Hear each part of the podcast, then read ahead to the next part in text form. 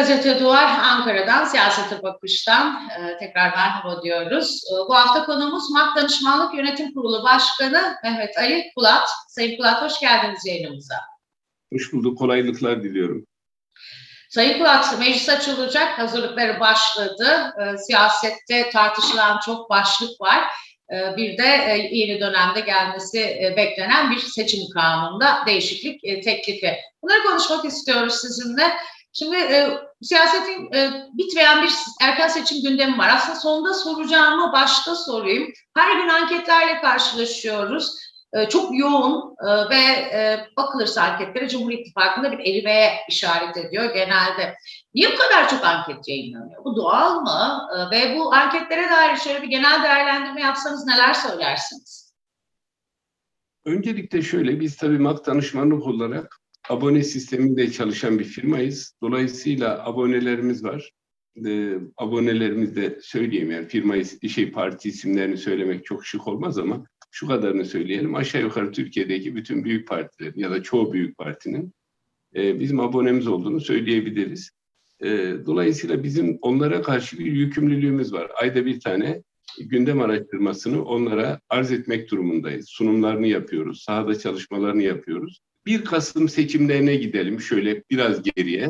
1 Kasım'da Adalet ve Kalkınma Partisi tarihinin en yüksek oyunu almış durumda ve almış olduğu oy yüzde 49,5. O zaman e, Sayın Cumhurbaşkanı eski sistemle Cumhurbaşkanı ve e, Ahmet Davutoğlu Başbakan. Yüzde 49,5 oy almış.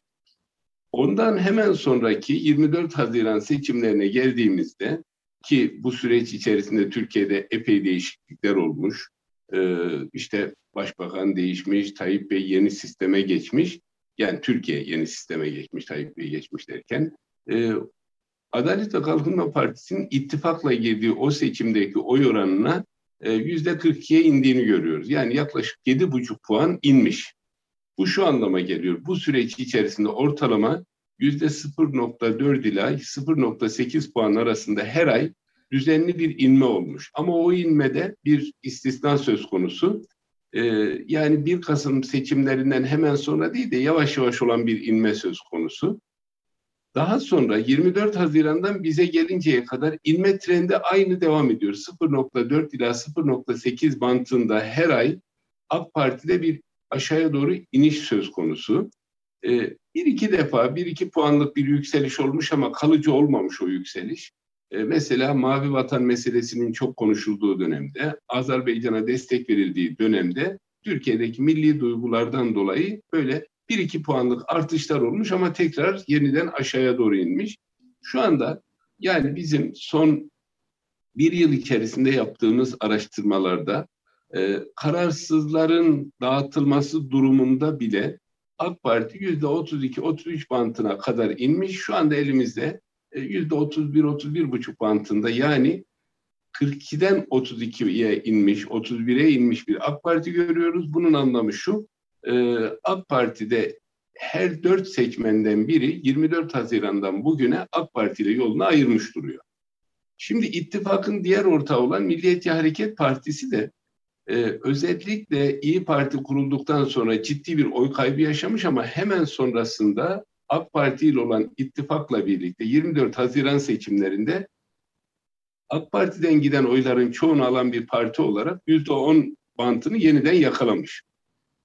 Ancak AK Parti ile Milliyetçi Hareket Partisi arasında çok özdeş bir duruş ortaya çıktığı için yani AK Partililer MHP'lileştiği, MHP'liler de AK Partilileştiği için geldiğimiz noktada AK Parti'de de e, bir ciddi düşüş var. Milliyetçi Hareket Partisi'nde de bir düşüş var.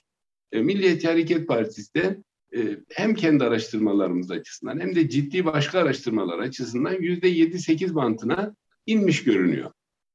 Tabii bunlar daha ortada bugün seçim olmayan bir fotoğrafta ortaya çıkıyor.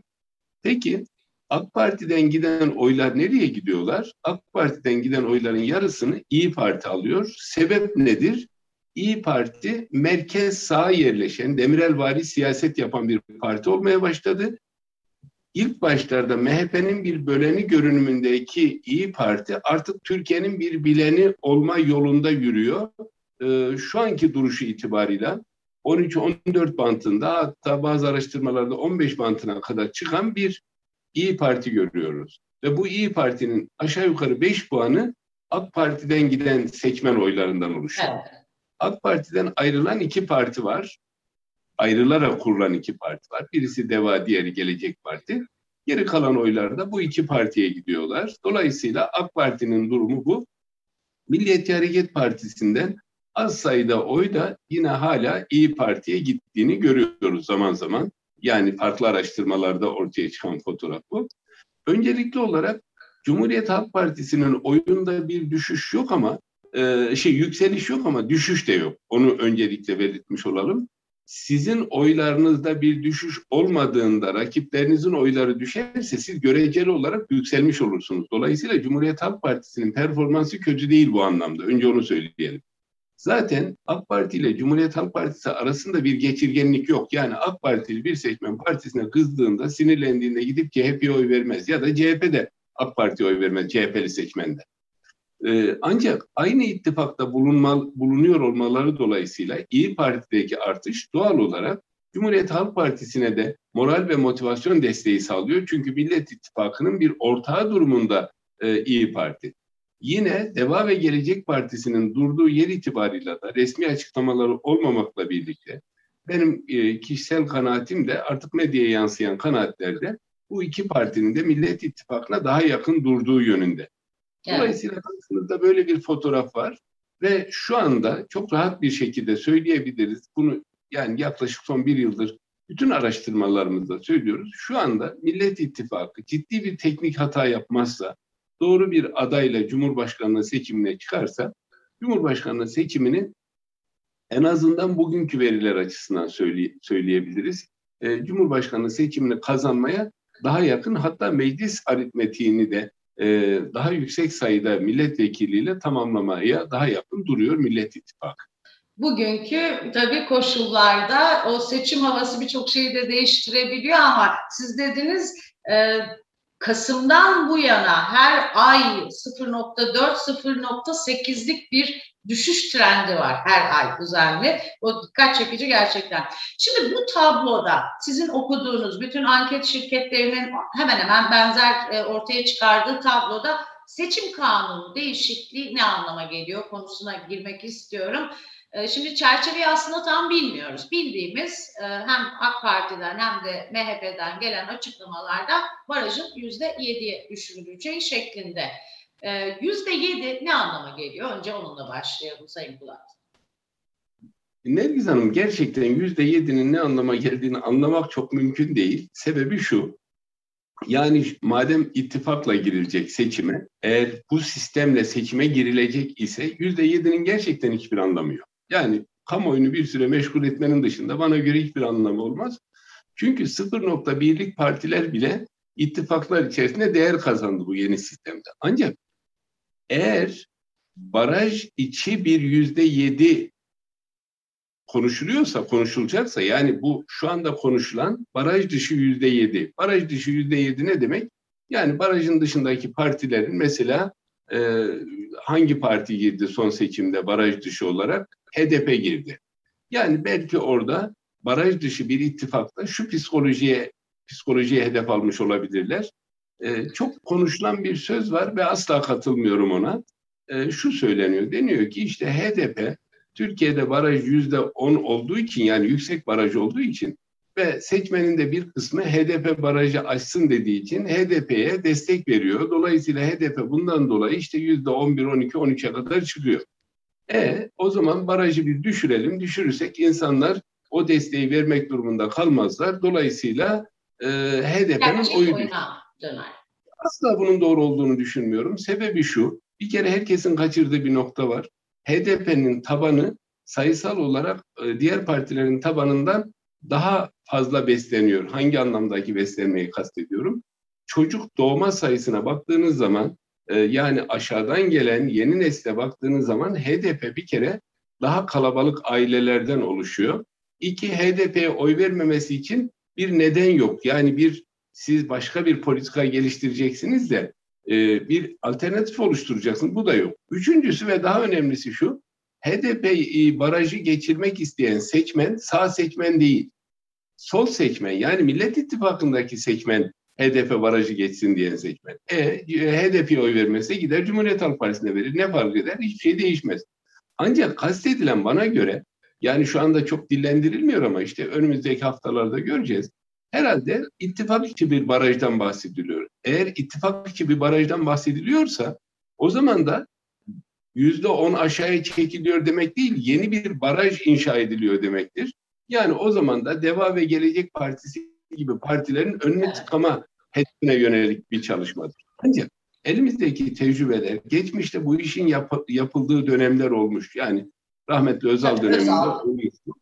Evet yani bunlar e, anlık bir kısım e, faydalar sağlıyor gibi görünse bile inanın e, tü, e, dünyanın geldiği şu noktada, iletişimin çok güçlendiği noktada seçmende şu hissi uyandırırsa, seçmen derse ki ya bunlar gidiyorlar, giderken de gitmemek için her türlü işi çeviriyorlar gibi bir algı oluşursa, öyledir demiyorum. Eğer böyle bir algı oluşursa inanın bu gitme çok daha güçlü bir gitme olur. E, çünkü seçmen günümüzde iletişim anlamında birbirleriyle daha hızlı sosyal medya gibi sizin mecralarda olduğu gibi çok daha hızlı bu konuları tartışıyor, konuşuyor. Dolayısıyla ters teper diye düşünüyorum. Şimdi bir tanesi ben, Sayın Kulat, e, sizin bahsettiğiniz evet e, ittifak içi baraj olabilir mi? Bu ne getirir? Bunu bilmiyoruz.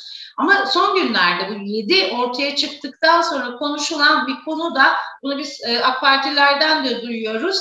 E, ittifakın bu durumda anlamı olmayabilir. Her parti kendisi girebilir. İttifak kanununda hatta bir değişiklik yapılıp bunun kaldırılabileceği e, bu seçime çünkü ittifak malum en çok muhalefete yaradı. Bunu e, iktidar partisi söylüyor. İttifaklar kaldırılabilir mi? İttifaksız bir seçimle biz önümüzdeki süreçte karşılaşabilir miyiz? Ben meclis aritmetiğine yönelik hesaplardan daha önemlisinin e, Cumhurbaşkanlığı seçimi olduğu kanaatindeyim. Önce onu söyleyeyim. E, çünkü meclis aritmetiğine yönelik böyle şeyler yaptığınızda e, özellikle e, Millet İttifakı açısından durum şu. Millet İttifakı'nda daha sağlıklı bir senfoni görünüyor şu anda. Yani işte İyi Parti, Cumhuriyet Halk Partisi, DEVA, Gelecek daha sık, daha düzenli görüşüyorlar. Ee, öbür taraftaki iki partili ittifak yetmiyor. Ee, hem Cumhurbaşkanı anlamda hem 50 artı bir anlamda yetmiyor. Şimdi burada temel sorun şu. Ee, siz ittifakı çok sağlıklı sürdüremezsiniz öyle bir durumda. Cumhur İttifakı anlamında söylüyorum. Ne demek istediğimin somut yerel seçim örneğini vermek isterim. Adana'da, bakın Adana ve Mersin bu seçimde çok ıskalandı yani yeterince anlaşılamadı. Neden anlaşılmadığını söyleyeyim. Adana şöyle bir özelliğe sahip. Mersin de aynı birbirlerine çok benziyorlar. AK Parti'nin yıllardır Adana'daki oy oranı yüzde otuz bantında. Altında değil genellikle üstünde. Aynı şekilde hem Adana'da hem Mersin'de Milliyetçi Hareket Partisi de yüzde otuz bantının üstünde. Bir o kadar da yani yine yüzde otuz bantında bir üçüncü parti var Cumhuriyet Halk Partisi aşağı yukarı. Hatta Cumhuriyet Halk Partisi yüzde yirmi beş yirmi altı bantında diyebiliriz. Geri kalan yüzde onluk bantta da HDP var. Seçimi kim kazandı biliyor musunuz? Yani biliyorsunuzdur da hem Adana'da hem Mersin'de Cumhuriyet Halk Partisi'nin adayı kazandı. Nasıl oldu? Şöyle oluyor bu iş senfoniyi iyi kuramazsanız sonuçta başarı elde etmeniz çok mümkün olmuyor. Bir senfoni problemi var e, iktidarın şu anda. Eğer Cumhurbaşkanı gibi bir motivasyon kaynağı da olmazsa e, orada ciddi bir sorun yaşanır e, muhalefet açısından. Çünkü e, yani iktidarın kendi içindeki muhalefet anlamında söylüyorum. Neden böyle kastettiğimi söyleyeyim. E, çünkü Millet İttifakı bu anlamda daha pro, e, profesyonel bir çalışma yürütebiliyor. Mesela Ankara'da e, Mansur Yavaş Millet İttifakı'nın dışında Cumhur İttifakı'ndan oy alabildi. Çok ilginçtir yani oy oran dağılımına baktığınızda. İstanbul'da ikinci seçimde de Ekrem İmamoğlu e, Millet İttifakı'nın total oyundan daha fazla oy aldı. Tam tersi olmuyor. Yani e, şöyle bir durum yok. E, doğru milletvekili adayları çıkardığınızda bu sefer insanlar e, Cumhur İttifakı'ndan Millet İttifakı'na doğru geçiş sağlamazlar. Çünkü motivasyon şu anda ama tekrar söylüyorum yani bugünkü seçim e, yapısı içerisinde yarın seçim olursa söylüyorum bunu. Evet. Ama ben tekrar söyleyeyim bu seçim yasası ile ilgili yani yüzde yedi sözünün kendileri içinde çok anlamlı olmadığını görmeye başladılar. Oradan bir rucu gelirse, bir geri adım gelirse çok şaşırmam. Çünkü mesela o ittifakın bir küçük ortağı diyebileceğimiz Büyük Birlik Partisi orada yüksek sesle konuşmaya başladı. Uzunca bir süredir Cumhur İttifakı'na destek veren Vatan Partisi de yüksek sesle konuşmaya başladı. Çünkü onlar için yüzde yedi, hele hele ittifakçı bir yüzde yedi meselesi onları çok ciddi zorda bırakacak. Hatta şu söylenebilir, belki onlara yeni bir liman arama zorunluluğu ortaya çıkaracak. Ben önümüzdeki günlerde hatta çok değil yani önümüzdeki bir iki ay içerisinde Türkiye'deki dengelerin çok hızlı değişmesini muhtemel görüyorum. Eğer yüzde yediyi e, yüzde yedide ısrar ederse iktidar hatta bu değişim iktidar cephesinin aleyhine bir değişime dönüşebilir. Gerçekten ilginç. Ben e, açıkçası yapılmayabileceğini de düşünüyorum. E, vazgeçilebileceğini ya da yapılıp uygulanmayabileceğini. E, bu bir yıl öncesinde işte seçime gidilirse Ankara bunu hala konuşuyor gerçekten. Şimdi Cumhur İttifakı'nın e, kendisini biraz daha büyütmesi, genişletmesi gerekiyor bu tabloda. Malum Saadet Partisi ile bazı e, temaslar, girişimler Sayın Oğuzhan Asil Türk üzerinden bir sonuç getirir mi? E, o süreci nasıl izliyorsunuz? Genişleyebilir mi Cumhur İttifakı? Bir yandan siz Büyük Birlik Partisi ve e, Yeniden Refah'tan bahsettiniz Vatan Partisi ama bir yandan da Saadet açılımı yapmaya çalışıyorlar. Mümkün mü sizce? Yani şöyle ben Saadet Partisi'nin e, şu anki yönetiminin e, her halükarda e, yani Cumhur İttifakı'na geçmeyeceği kanaatindeyim. Önce onu söyleyeyim. Tabanın da çok büyük oranda geçmeyeceği kanaatindeyim. Oğuzhan Asil Türk'ün parti içerisindeki etkisini biliyorum ama bu etki inanın o partinin kendi oyu içerisinde yüzde onluk bir etki yapmaz. Partide bir farklı bir operasyon yapılır mı onu bilemiyorum ama her halükarda Saadet Partili seçmenin sosyolojik duruşu itibarıyla şu anda Cumhur İttifakı'nda olma ihtimalini neredeyse imkansız görüyorum. Ee, sosyolojik bir kural var Nergiz Hanım. Boşanan çiftler bir arada yaşayamazlar. Yani bizim toplumumuz gibi toplumlarda yaşayamazlar. Ee, Saadet Partisi bu anlamda yolunu çoktan ayırmış bir parti. Hatta devamında da söyleyeyim. Başka şeyler duyuyorum. Ee, farklı operasyonlar yapılmaya çalışıyor. Ben devanın ve geleceğinde asla e, Millet İttifakı'nın dışında yani eğer yeni bir ittifak kurulmazsa Cumhur İttifakı'nda bulunma ihtimalini matematiksel olarak da edindiğim tecrübeler açısından da söyleyeyim e, göremiyorum. Yani bu üç Millet parti bir üçüncü ittifak kurabilir mi? Hayır hayır kuramaz. Çünkü ya bugünkü sistem buna çok uygun değil. Ha, şöyle bir şey olabilir mi? Bunlar konuşulur tabii konuşuluyor da.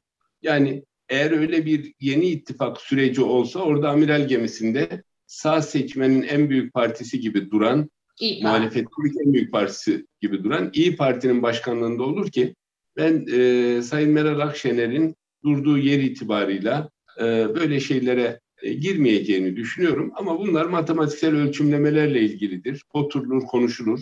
Muhtemelen de konuşuluyor. Yani hangisi daha faydalı olur diye. Evet. Siyasi parti liderleri bizlerle de konuşuyorlar. Başkalarıyla da konuşuyorlar. Bizim elimizdeki veriler seçimin e, eğer Millet İttifakı doğru bir aday çıkarırsa ilk turda biteceği yönünde. Bugün için. Peki orada da şu karar vermediler. Biz buradan muhalefete geçmiş olalım. Ee, seçime e, her parti kendi adayıyla mı gitsin yoksa e, ortak bir aday mı çıksın? E, ya, ve bu durumda ortak aday çıkarsa da HDP kendi adayını çıkarsın gibi Sayın Akşener'in de bir sözü vardı.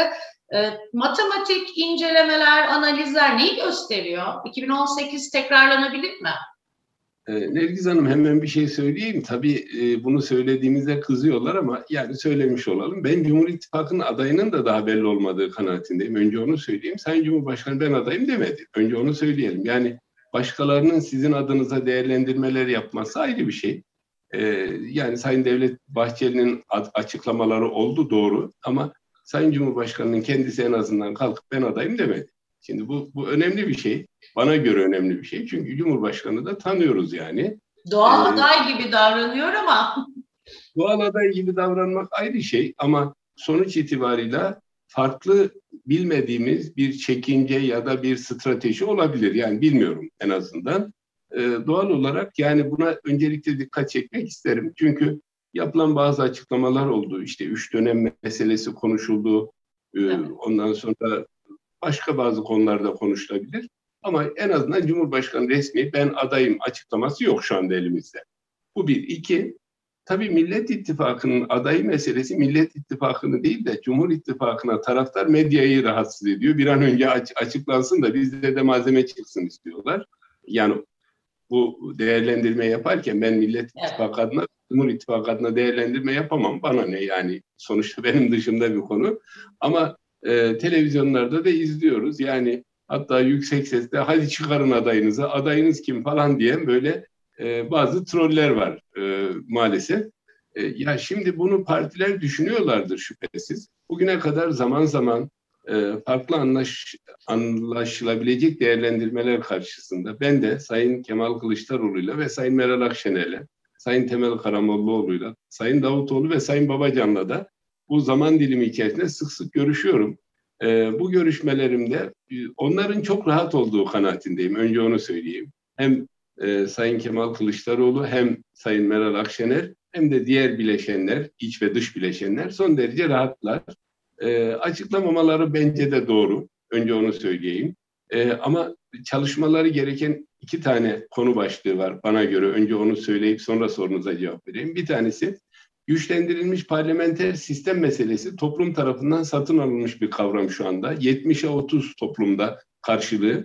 Dolayısıyla güçlendirilmiş parlamenter sistemle ne kastettiklerini topluma daha iyi anlatabilecek şekilde detaylı, anlaşılabilir, öz bir e, projenin üzerinde mutabakata varmaları gerekir ve toplumun önüne Cumhurbaşkanı seçiminde bunu koymaları gerekir takvimiyle birlikte. Yani ne kadar sürede bu sisteme geçeceklerini önümüzdeki Cumhurbaşkanı'nın hangi zaman diliminde bu takvimi işleteceğini toplumun önüne e, aritmetik zaman dilimleri içerisinde koymaları gerekir diye geçiş düşünüyorum. Takvimi, evet. Evet, geçiş takvimi. İkincisi, e, bana göre bu dönemde Millet İttifakı'nın adayı her kim olursa e, Cumhurbaşkan yardımcılarını hatta bazı bakanlarını da erken şekilde Amerika'da olduğu gibi açıklayacak. Bunu da öyle zannediyorum yani. E, bu da e, Millet İttifakı'na büyük bir avantaj sağlayacak. Çünkü e, Millet İttifakı'nın bileşenlerinden e, farklı partilerin yetkilileri de bu anlamda o fotoğrafın içerisinde yer aldığında toplumsal motivasyon yüksek olacak. Bu iki kavramdır önemli olan. Cumhurbaşkanı adaylığı için bence isimden çok resme yüklenmek lazım. Resim de nedir dediğinizde öncelikli olarak bu geçiş sürecini sağlayabilecek devlet deneyimi, tecrübesi, birikimi ve kalitesi olan birisi olmalı. Çünkü seçilecek kişi bu yetkilerle seçilecek, bugünkü yetkilerle ve topluma şunu deklare etmesi lazım. Ben bu yetkilerle seçileceğim ama bu yetkilerin en azından bir kısmını, bugün eleştirdiğim bir kısmını kullanmayacağım. Onun yerine Türkiye'yi olabildiğince hızlı bir şekilde rayından çıktığı sistemin içerisinden rayına oturtturacak bir dizi çalışmalar yapacağım diye topluma bunu deklare etmesi lazım. Yoksa şu anki sistemde yeni bir cumhurbaşkanı geldiğinde emin olun e, biz sizinle o günde bir televizyon programı yaptığımızda muhtemelen 3-5 ay sonra onu da eleştirmeye başlayacağız. Çünkü bu sistem yürüyecek bir sistem değil, sürdürülebilir bir sistem değil. Bu sistemde bir kişinin elindeki yetki o kadar yüksek, o kadar fazla ki bu sistemin tıkanmasına neden oluyor. Ee, sistemin balans ayarlarını, e, sisteme balans verebilecek o ayarları düzenleyecek yapıda problem var. Denetim mekanizmasında problem var. Bütün bunları sağlayabilecek Millet İttifakı'nın böyle kalite anlamında bu özellikleri taşıyan bir cumhurbaşkanı gerekiyor. Ve sonrasında da Türkiye'yi en geç iki yılda yeniden e, güçlendirilmiş parlamenter sistem şablonu içerisinde Türkiye'yi seçime taşıyacağını vaat etmesi önemli. Ee, çok kısa iki sorum var. Biri burada HDP tabloda nerede? Dün e, bu konuda e, en son HDP eş başkanı Mithat Sancar ortak aday çıkarılması fikrine HDP'nin açık olduğunu, bunu konuşmak istediğini e, istediklerini söyledi ama malum İyi Parti'nin kırmızı çizgileri ve daha başka tartışmalar var. HDP bu tabloda nerede duruyor, durmalı? seçmen davranışlarına da baktığınızda önce bunu sorayım size. Yani HDP'nin yerel seçimde ne kadar önemli olduğunu gördük. İstanbul'da HDP seçmeni İstanbul seçiminin kazanılma nedenidir. Ee, Türkiye'nin pek çok yerinde böyledir. Biraz önce Adana ve Mersin örneklerini verdim. HDP seçmeni şu anda hatta HDP demeyelim Türkiye'deki Kürt seçmeni kilit seçmen rolünde. Çünkü Türkiye'deki muhafazakar seçmen de yerel seçimde pek çok yerde sandığa gitmedi. Yani HDP'nin dışında Kürt seçmen de sandığa gitmedi. Bununla ilgili şehir şehir rakamlar var elimizde. Yani yüzdelik oranlar açısından evet. söylüyorum. Dolayısıyla Kürt seçmene yönelik sağlıklı politikaların e, özellikle Millet İttifakı tarafından sunulması gerekir. Toplumun önüne konulması gerekir. E, HDP tabii bu süreç içerisinde seçilmiş belediye başkanlarının e, kayyum atanması, e, pek çok siyasetçisinin cezaevinde olması, doğal lideri durumundaki Selahattin Demirtaş'ın cezaevinde olması gibi noktalarda şu anda biraz itilmiş, kakılmış bir seçmen kitlesini e, temsil ediyor. Böyle bir problem yaşıyor. E, HDP'ye önümüzdeki süreçte daha demokratik bir Türkiye vaat eden bir fotoğraf ortaya konması lazım. Bana göre öncelikli olarak şimdi bu tarafı önemli. Sonrasında HDP e, ittifakın içerisinde ittifakın ortak adayı bir cumhurbaşkanı talebinde bulunuyor doğru. Ama bu öyle bir dille geliştirilmeli ki e, sonuç itibarıyla e, Millet İttifakı'nın içerisindeki milli hassasiyetleri yüksek, milliyetçi hassasiyetleri yüksek. Evet. Seçmen kitlesini de küstürmeden bu yürütülmeli. Ben öyle zannediyorum ki özellikle e, şu anda Millet İttifakı'nın amiral gemisindeki Kemal Kılıçdaroğlu bu konuda bir dizi görüşmeler yapıyor. Bir dizi e, yani doğrudan dolaylı görüşmeler yürütülüyor ve çok sağlıklı yürütülüyor şu anda. E, ben e, tabii Cumhurbaşkanı adayına da bağlı olarak bunun değişebileceğini düşünüyorum ama Millet İttifakı'nın Cumhurbaşkanı adayının HDP hatta genel anlamda Kürt seçmenden oy alabilen bir isim olması işi çok kolaylaştırır diye söyleyebilirim. Bu da belki tartışmalara tabii gündemleri içinde yer alıyordur. Son bir soru. Bu tabloda, iktidara dair çizdiğiniz bu tabloda e, şöyle bir Ankara kulislerini siz de takip ediyorsunuz yakından. Erdoğan'ın hep bir oyun planı olduğuna dair bir genel planı vardır. E, birçok konuyu tersine çevirmiş bir isim. Usta bir siyasetçi sonuç olarak. E, bir oyun planı var mı? Son olarak bunu sormak istiyorum. Bu yani, umutsuz aslında değerlendirdiğimiz tabloda. Şimdi bakın yani e, Sayın Erdoğan'la ilgili onu seven ve sevmeyen herkes siyaset konusunda Erdoğan'ın uzmanlığını, ustalığını, strateji derinliğini herkes biliyor. Çünkü 20 yıl Türkiye'de çok farklı badireleri atlatabilmiş bir siyasi lider. Ancak yani İstanbul seçimlerinde de bu söylediğiniz cümle benzer ifadelerle kullanıldı. Evet. Hem hem de seçim tekrarlandığında herkes dendi ki dedi ki ya Sayın Cumhurbaşkanı kesinlikle bir plan var. Özellikle de bunu AK Partililer söyledi. Yani kesin bir planı var İstanbul verilmeyecek. Yani verilmeyecek derken kazanılacak anlamında söyle. AK Parti'nin temel sorunsalı şu anda şu. Strateji yönetemiyor AK Parti. Özellikle algı yönetme noktasında olgunun çok gerisinde bir algı yönetimi e, problemi var. Ben birkaç gün önce bir tweet attığımda işte 7-8 madde yazmıştım. Onlardan bir tanesi de AK Parti'nin iletişimcileri, AK Parti'nin algı yöneticileri AK Parti'ye en büyük muhalefeti yapıyor demiştim. Ben dolayısıyla eğer ekipler böyle devam edecekse yani bu ekiplerle AK Parti seçim stratejisini oluşturacaksa bunun Millet İttifakı'nın işini çok kolaylaştıracağı kanaatindeyim. Bırakın siz AK Parti'nin yeni bir şey planlamasını. Yani farklı şeyler konuşulur ama biz bu ülkenin insanlarına umut vaat etmek durumundayız ve umut etmek durumundayız. Kendimiz adına, çocuklarımız adına, yarınlarımız adına. Şu da çok konuşuluyor. İşte efendim seçim olur mu? Seçimden sonra işte devlet teslim edilir mi falan böyle şeyler konuşuluyor. Bakın bu seçimin tarihi hangi günse muhtemelen seçim yine bir pazar günü olacak. Biz pazartesi günü çiçeklerle birbirlerine e, devir teslim yapan siyasetçiler göreceğiz. Çünkü Türkiye demokrasiyi çok içsellemiş bir ülke. Ara ara bizde farklı e, türbülanslar yaşandı bugüne kadar. Ama bugün geldiğimiz noktada inanın e, çok ciddi bir şey olmaz. Türkiye'de de demokrasi rayında yürür. Tabii seçimi e, Millet İttifakı kazanıyorsa, Cumhur İttifakı da kazanıyorsa onlar da yine kaldıkları yerden devam ederler. Ama bir kere çok net söylüyorum. Demokrasinin dışında bir şey bu ülkede olmaz. Bu saatten sonra 15 Temmuz'da olmayacağını bu millet gösterdi. Olmaz yani. Bugün de başka bir şey planlamak, başka bir şey düşünmek asla bizim aklımıza bile gelmemeli. Bu ülkede e, bir seçim olacak. Seçimin yalnız seçim güvenliği anlamında özellikle sizin programınız vasıtasıyla bir söyleyeyim bunu diri tutmak lazım. Buyurun. Geçmişte şu parmak boyama meselesini kesinlikle e, yeniden getirmek lazım. E, Yüksek Seçim Kurulu'na da çok erken tarihte e, duyurmak lazım. Yani söylemek lazım. Ellerindeki pusulaları lütfen boş zamanlarında arkalarını mühürlesinler. Yani orada da bir sorun yaşamayalım. Bir Tra trafolar konusunda da herkes kendisine Anadolu tabiriyle söylüyorum. Herkes kendisine mukayyet olsun. E, trafolarda da o gün elektrik falan kesilmesin. E, Türkiye demokrasisinin buna ihtiyacı var. Hepimizin buna ihtiyacı var. Çocuklarımızın ihtiyacı var.